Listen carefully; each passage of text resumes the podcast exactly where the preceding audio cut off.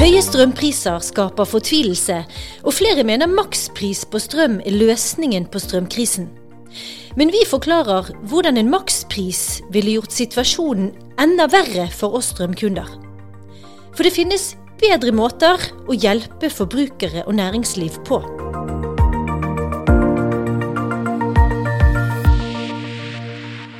Du hører på Konkurransepodden, en podkast fra Konkurransetilsynet. I denne episoden skal vi altså ta for oss strøm- og kraftmarkedet. Vi skal forklare årsakene til dagens høye strømpriser. Og er dårlig konkurranse årsaken til problemene?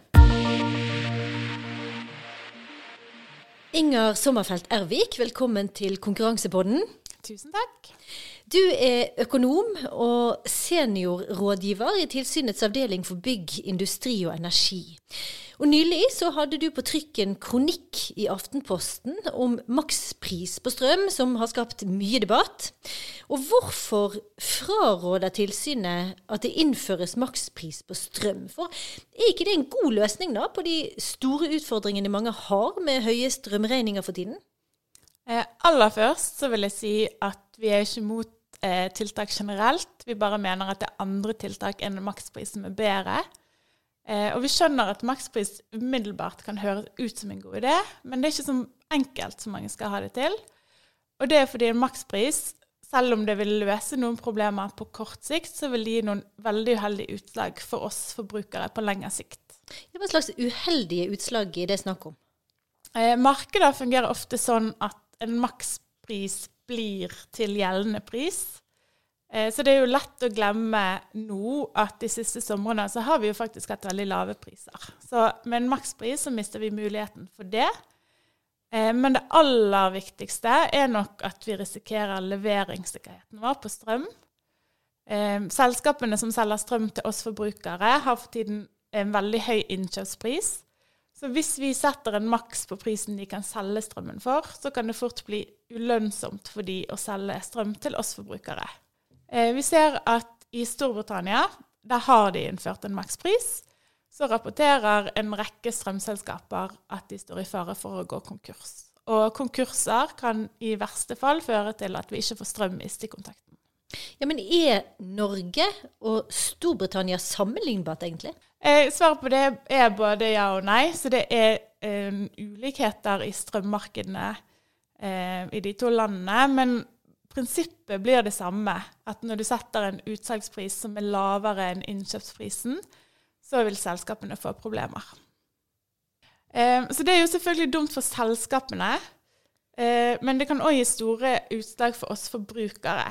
Så vi har sett fra California fra eh, tidlig 2000-tall Der førte en makspris til at mange strømkunder helt eller delvis mistet strømmen.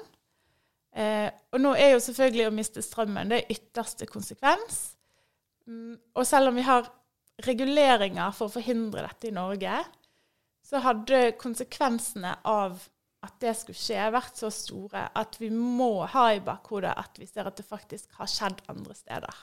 Så makspris på strøm kunne rett og slett gjort situasjonen enda verre for oss forbrukere, og vi kunne risikert enda høyere priser på sikt? Ja, og det er det enda flere grunner til enn det jeg har nevnt. Eh, konkurser vil gi naturlig nok færre strømselskaper. Eh, og med færre strømselskaper så svekker det konkurransen, og det gir høyere priser. Eh, kunstig lave priser vil heller ikke gjøre at vi kommer til å spare på strømmen, og det er dårlig nytt for den grønne omstillingen. Så nå har jeg nevnt på en måte flere ting som kan skje, og akkurat hva som vil skje i det norske markedet, det kan vi rett og slett ikke vite. Men det vi kan vite, er at en makspris er knyttet til en stor risiko for mange uheldige virkninger. Eh, både noen som vi vet om, og kanskje også noen som vi ikke har tenkt på ennå. De høye strømprisene har jo naturlig nok fått mye oppmerksomhet og ført til mye debatt. Makspris på strøm er blant temaene som har gitt diskusjonen ekstra høy temperatur. Jarle Sakse Frøsa, du er ordfører i Indre Østfold kommune. og De siste ukene har du blitt nedringt av innbyggere som er fortvilt uh, for tida. De er fortvila for at de ikke klarer å betale regningene sine lenger. De er fortvila for at de fryser. Nei, Det er et argument eh, for å innføre en makspris på strøm til kunder i Norge, både til industri, næringsliv og husholdninger. Jonas Gahr Støre, makspris, vil det bli vurdert?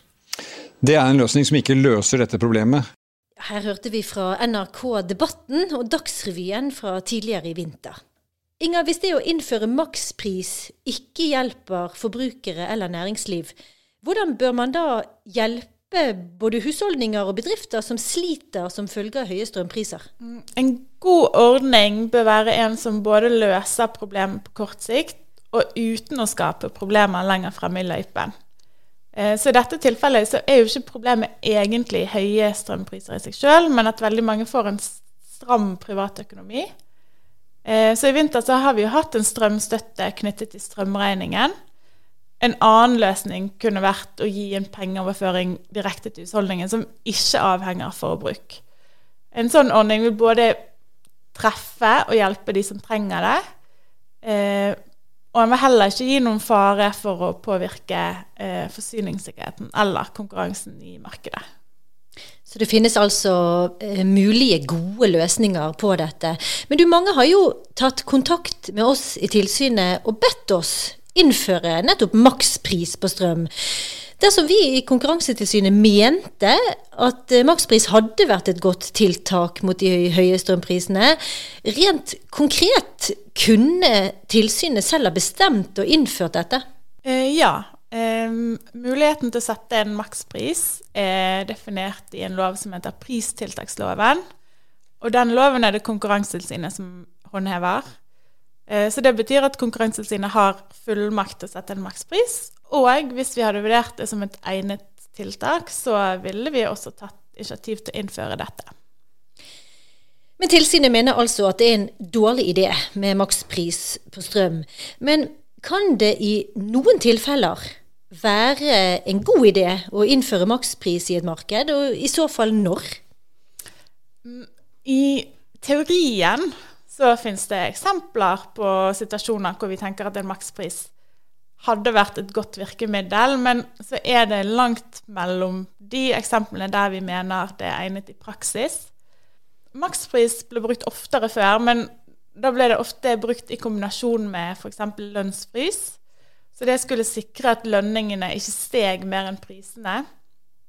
Um, det er sånn at Dersom et tiltak gjør at man også vil trenge tilleggstiltak, så blir det veldig vanskelig etter hvert å beholde oversikten over hvordan tiltakene samlet eh, påvirker samfunnet.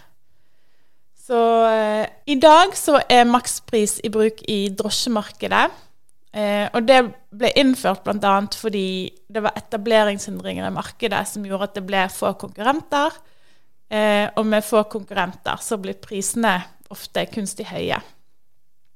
Men nå er rammene i markedet endret sånn at etablering har blitt lettere. Så da har vi også anbefalt at maksprisen oppheves. Og det er da nettopp fordi at god og sunn konkurranse er bedre egnet til å sikre et godt eh, tilbud av drosjetjenester. Eh, nå er drosje et lokalt tilbud, så det vil da begrense ringvirkningene av en makspris. Et annet eksempel hvor vi endte opp med å ikke innføre makspris, det var på munnbind i begynnelsen av pandemien. Eh, og en del av begrunnelsen var nettopp at munnbind kjøpes og selges fra steder rundt om i hele verden. Så vi gjorde noen undersøkelser, og da så vi at de høye prisene kommer høye priser på import. Um, og da kunne en makspris fått den uheldige konsekvensen at det ikke lenger hadde blitt lønnsomt å selge munnbind til Norge. Um, så det opplevde de i Italia. Der innførte de makspris på munnbind. Og da endte de rett og slett opp med mangel på munnbind, fordi ingen ville selge de munnbind til disse lave prisene. Så det er akkurat faren for den type utilsiktede virkninger som gjør at vi eh, i stor grad har gått bort ifra å benytte makspris som et tiltak. Tusen takk skal du ha, økonom her i Konkurransetilsynet, Inger Sommerfelt Ervik. Makspris på strøm er bare en del av diskusjonen om høye strømpriser. Men hvordan fungerer egentlig konkurransen i kraftmarkedet og strømmarkedet? Følg med videre. Marita Skjæveland, velkommen til deg. Takk. Du er nestleder ved Konkurransetilsynets avdeling for bygg, industri og energi. Hva er hovedårsakene til de høye strømprisene for tiden? Ja, I Sør-Norge er jo iallfall eh, prisene veldig høye. Og Da er det på dette kraftproduksjonsleddet eh, at prisene nå er høye. Og Det skyldes jo flere faktorer, men bl.a. lite vann i, i magasinene og høye priser på gass og CO2. Når det gjelder da strømmarkedet og kraftmarkedet, hva konkret er det vi i Konkurransetilsynet ser på? Ja, vi er jo opptatt av konkurransen i markedet. Vi følger med eh, både på konkurransen blant kraftprodusentene og mellom de selskaper som selger strømmen til oss forbrukere. Og som i alle marked så er det forbrukerens beste vi er opptatt av. På dette kraftproduksjonsleddet så har vi pålagt flere av de største produsentene en særskilt opplysningsplikt. Det vil si at de må gi beskjed til oss om alle oppkjøp de gjør i dette markedet. Eh, og de som er eh, under disse terskelverdiene for meldeplikt eh, av sånne transaksjoner. Og Med denne opplysningsplikten så kan vi hindre at konkurransen begrenses gjennom oppkjøp som fører til at det blir færre uavhengige aktører. Denne opplysningsplikten her, den ble innført helt tilbake i 2004 Eh, og var etter at vi grep inn mot eh, to oppkjøp som Statkraft gjorde tilbake i 2003. Eh, og så har vi bl.a. et samarbeid og, og, jevnlig kontakt med RME, som er reguleringsmyndigheten for disse markedene. Hva går dette samarbeidet ut på? Det er jo mye regulering i strømmarkedet, og her er det RME som følger opp at lover og regler overholdes. Eh, de overvåker bl.a. salg av kraft eh, på produksjonsleddet for å passe på eh, bl.a. at aktørene overholder forbudet mot markedsmanipulasjon. Her er det veldig nyttig for oss med et samarbeid med RME, siden vi håndhever konkurranselovens forbud mot misbruk av dominans. Så Hvis det dukker opp noen røde flagg i den markedsovervåkningen som RME har, f.eks. For i form av spesielle prisutslag, så vil vi kunne undersøke nærmere hvis dette fører til en mistanke om misbruk av dominerende stilling. Eh, men vi har ikke hatt noen sånne saker de siste, eh, de siste åra. Eh, I tillegg så har vi også jevnlig kontakt med RME og Forbrukertilsynet i forbindelse med deres arbeid for et mer effektivt sluttbrukermarked for strøm. Ja, Vi skal straks komme tilbake til dette sluttbrukermarkedet, altså selskapene som faktisk selger strømmen til oss forbrukere. Men for å ta det først. Eh, vi har jo også selskapene som frakter strømmen til oss forbrukere gjennom strømnettet. Hvordan fungerer konkurransen i dette markedet? Her er det sånn at Hvert nettselskap er alene i sitt lokalområde. Sånn at eh, Vi som forbrukere kan ikke velge nettselskap sjøl, men vi må forholde oss til det selskapet som eier nettet der vi bor. Derfor er prisen vi betaler for nettleien regulert av RME, og prisen nettselskapet kan ta, det avhenger av kostnadene de har. Så der er det jo viktig at reguleringen gir selskapene insentiv til å være mest mulig kostnadseffektive, sånn at nettleien blir lavest mulig. Vi i tilsynet har jo også eh, foreslått endringer i dette markedet. Ja, vi har tatt til orde for at flere nettselskap burde slå seg sammen til større enheter. Det er rundt 100 selskap i Norge, og over halvparten har under 10 000 kunder. Og de små selskapene vil ikke fullt ut kunne utnytte stordriftsfordelene som er i dette markedet. Eh, hvis, de, hvis en da slår seg sammen, så kan det gi lavere kostnader. Og siden nettselskapene er regulerte og nettleia avhenger av kostnadene, så vil disse besparelsene i stor grad komme forbrukeren til gode gjennom lavere nettleie. Men det er ikke ofte Konkurransetilsynet oppfordrer selskaper til å slå seg sammen? Nei, normalt er det jo sånn at vi tenker jo flere selskap, jo bedre konkurranse. Men når det gjelder nett, så er det så dyrt å bygge ut at det ikke vil være samfunnsøkonomisk effektivt å bygge ut parallelle strømnett. Det er det vi kaller et naturlig monopol. Men når det er sagt, så er det viktig at det, selskapene sin kraftproduksjon ikke følger med på kjøpet, for der vil vi gjerne at det skal være eh, konkurranse. Sluttbrukermarkedet for strøm det omfatter de selskapene som altså selger strømavtaler til oss forbrukere. Og Der har vi Fjordkraft som den største norske strømleverandøren. Og vi har mange andre selskaper som Hafslund Strøm, Eidsiva, Agvakraft og, en rekke andre både små og store selskaper. Og Ser man på Forbrukerrådets nettside strøm.no, så finner man hele listen. Men hva kan du si om hvordan konkurransen fungerer i dette markedet? I dette markedet så ligger egentlig det meste til rette for god konkurranse og lave priser. Det er mange aktører å velge mellom, og strøm er i utgangspunktet et homogent produkt. Noe som skulle til seg hard konkurranse. Og det er jo òg mulig for oss forbrukere å finne gode strømavtaler i sluttbrukermarkedet. Men så er det jo flere som de siste årene har gått ut mot strømselskapene og påpekt at det er altfor vanskelig for oss forbrukere å orientere oss da i alle disse ulike strømavtalene, og at de ulike strømavtalene som tilbys er rett og slett for vanskelig å forstå. Er du enig i dette? Ja, det er et problem i, i strømmarkedet. Og for at vi forbrukere skal kunne finne de gode avtalene, så må vi kunne sammenligne ulike tilbud. Da er det viktig med tilgjengelig og forståelig informasjon. Eh, så dette problemet gjør jo at eh, markedet her ikke er så velfungerende som det kunne vært. Men er det da et poeng at eh, dagens strømkrise kunne vært en anledning til å se på om man burde vurdere å gjøre endringer i dette markedet? Nå er det jo sånn at De høye prisene i dag skyldes jo eh, prisen på produksjonsleddet. Så det vil jo si at disse strømselskapene som selger til oss forbrukere, de har òg høye innkjøpskostnader. Um, og ikke, det er jo ikke de da som står bak den rekordhøye strømprisene som vi ser i dag. Men når det er sagt, så er det viktig å ta tak i de utfordringene som er i dette markedet. Og Der er det allerede et pågående arbeid som ble satt i gang i fjor vinter. Der RME og Forbrukertilsynet eh, nå har anbefalt ulike tiltak for forbedringer i sluttbrukermarkedet. Og Her har Konkurransetilsynet bidratt med innspill eh, i det arbeidet. Ja, hva er det som har vært eh, tilsynets innspill på dette? På kort sikt her så er det foreslått ulike tiltak som skal gjøre det enklere for forbrukerne å orientere seg i markedet. Og det er vi i Konkurransetilsynet positive til. Samtidig så har vi sagt at hvis en vurderer mer inngripende regulering, f.eks. For i form av eh, regulering av prisen eller eh, hvilke type avtaler som kan tilbys, så vil det være viktig med en grundig vurdering. For eh, den type regulering kan føre til negative virkninger på konkurransen i markedet, sånn at det i sum er risiko for at det blir verre for forbrukeren. Ja, Det vil si at strømmen faktisk kan bli enda dyrere? Ja, det kan være en risiko for at det blir enda dyrere, eller at du får dårligere kvalitet eller mindre innovasjon. Eh, F.eks. I, i Storbritannia så innførte en eh, på et tidspunkt eh, et forbud mot å tilby ulike priser i ulike geografiske områder. Og Resultatet av det ble at det ble prisen i, den høyeste prisen som da ble gjeldende overalt.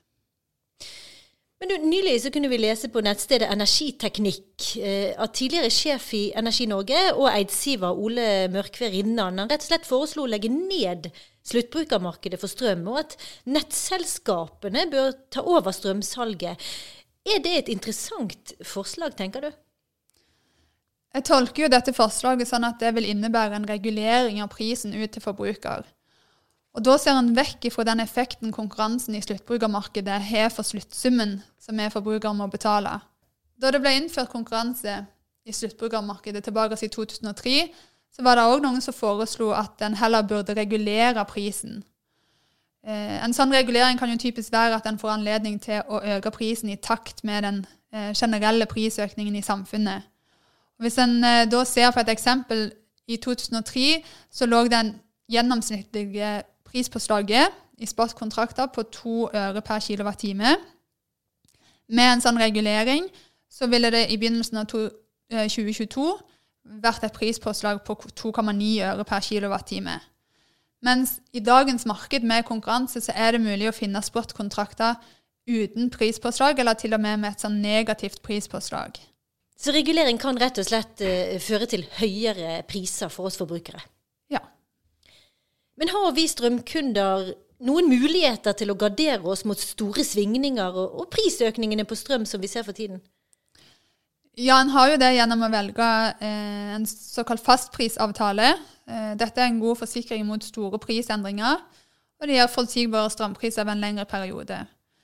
Her i Norge så er det veldig få eh, strømkunder som har valgt eh, den type avtale. Men når det gjelder konkret det tilbudet vi eh, forbrukere har når vi skal bestemme oss for strømavtale, hva slags typer strømavtaler har vi å velge mellom? Det er veldig mye forskjellig å velge mellom, men grovt sett så kan de deles inn i tre hovedtyper. Du har spot-avtalene, som eh, består av strømselskapenes innkjøpspris, som eh, da er den gjeldende prisen på kraftbørsen Nordpol til enhver tid. Og så er det da et påslag der som skal dekke eh, andre kostnader og gi strømselskapet en fortjeneste. På den andre sida har du fastprisavtalene, der eh, prisen ligger fast over en lengre periode. Og som en mellomløsning mellom de to, så er det, er det noe som heter standard variabel eh, avtale, som, eh, der prisen justeres en gang iblant. Hva slags strømavtale er det lureste nå for tiden når strømprisen er så høy? I de aller fleste perioder så vil prisen over tid være lavest om man velger en god spotprisavtale. Men fastprisavtalene er en god måte for de som ikke tåler prisøkninger, å sikre seg en stabil og forutsigbar strømpris. Men når strømprisene er så høye som de er for tiden, så er det vel de som inngikk fastprisavtale i fjor, som har vært de lureste? Ja, lure eller heldige. De som inngikk fastprisavtale i fjor sommer, betaler jo nå en mye lavere pris enn en sportprisene som er i dag. Men akkurat nå så er det ingen god idé å velge en fastprisavtale. For disse er jo òg svært dyre for øyeblikket, og en kan risikere å sitte med en høy pris over tid. Det jeg uansett vil anbefale alle, er å være aktive forbrukere og sjekke ut ulike tilbud, og velge det som passer best for seg. Og det er enkelt å bytte strømavtale, og det finnes òg ulike prissammenligningstjenester som gir god informasjon. Og så er det viktig at bevisste forbrukere som velger vekk dårlige tilbud, de bidrar til bedre konkurranse ved at det blir mer lønnsomt for den enkelte aktør å tilby gode avtaler. I forbindelse med de høye strømprisene så er det også en del som er kritisk til det at Norge eksporterer kraft via kraftledninger til utlandet. Og flere har tatt til orde for at Norge bør begrense eller stanse krafteksporten for å skåne norske forbrukere da, mot høye strømpriser. Er det en god løsning, eh, syns du? Det er forståelig at det er vanskelig for mange med de høye strømprisene som er nå. Det er likevel viktig at vi ser dette i en større sammenheng og over tid. Det som er bra med kablene, er at vi kan eh, importere kraft når vi har behov for det. Eh, så det er altså bra for forsyningssikkerheten vår. Og så bidrar kablene òg til å utvide eh, markedet. Sant? Vi knytter sammen til et større område. Og for store norske kraftselskap så blir da muligheten til å utnytte markedsmakt lavere. Det vi har sagt, er at det er viktig at vurderinger rundt hvem som skal eie og drifte kablene, er basert på hva som er bra for samfunnet som helhet. Og dette ga vi sist gang innspill eh, om i en høringsrunde tilbake i 2015. I fjor så var gjennomsnittlig strømpris 61 øre kilowattime, og det har bare fortsatt å øke inn i dette året.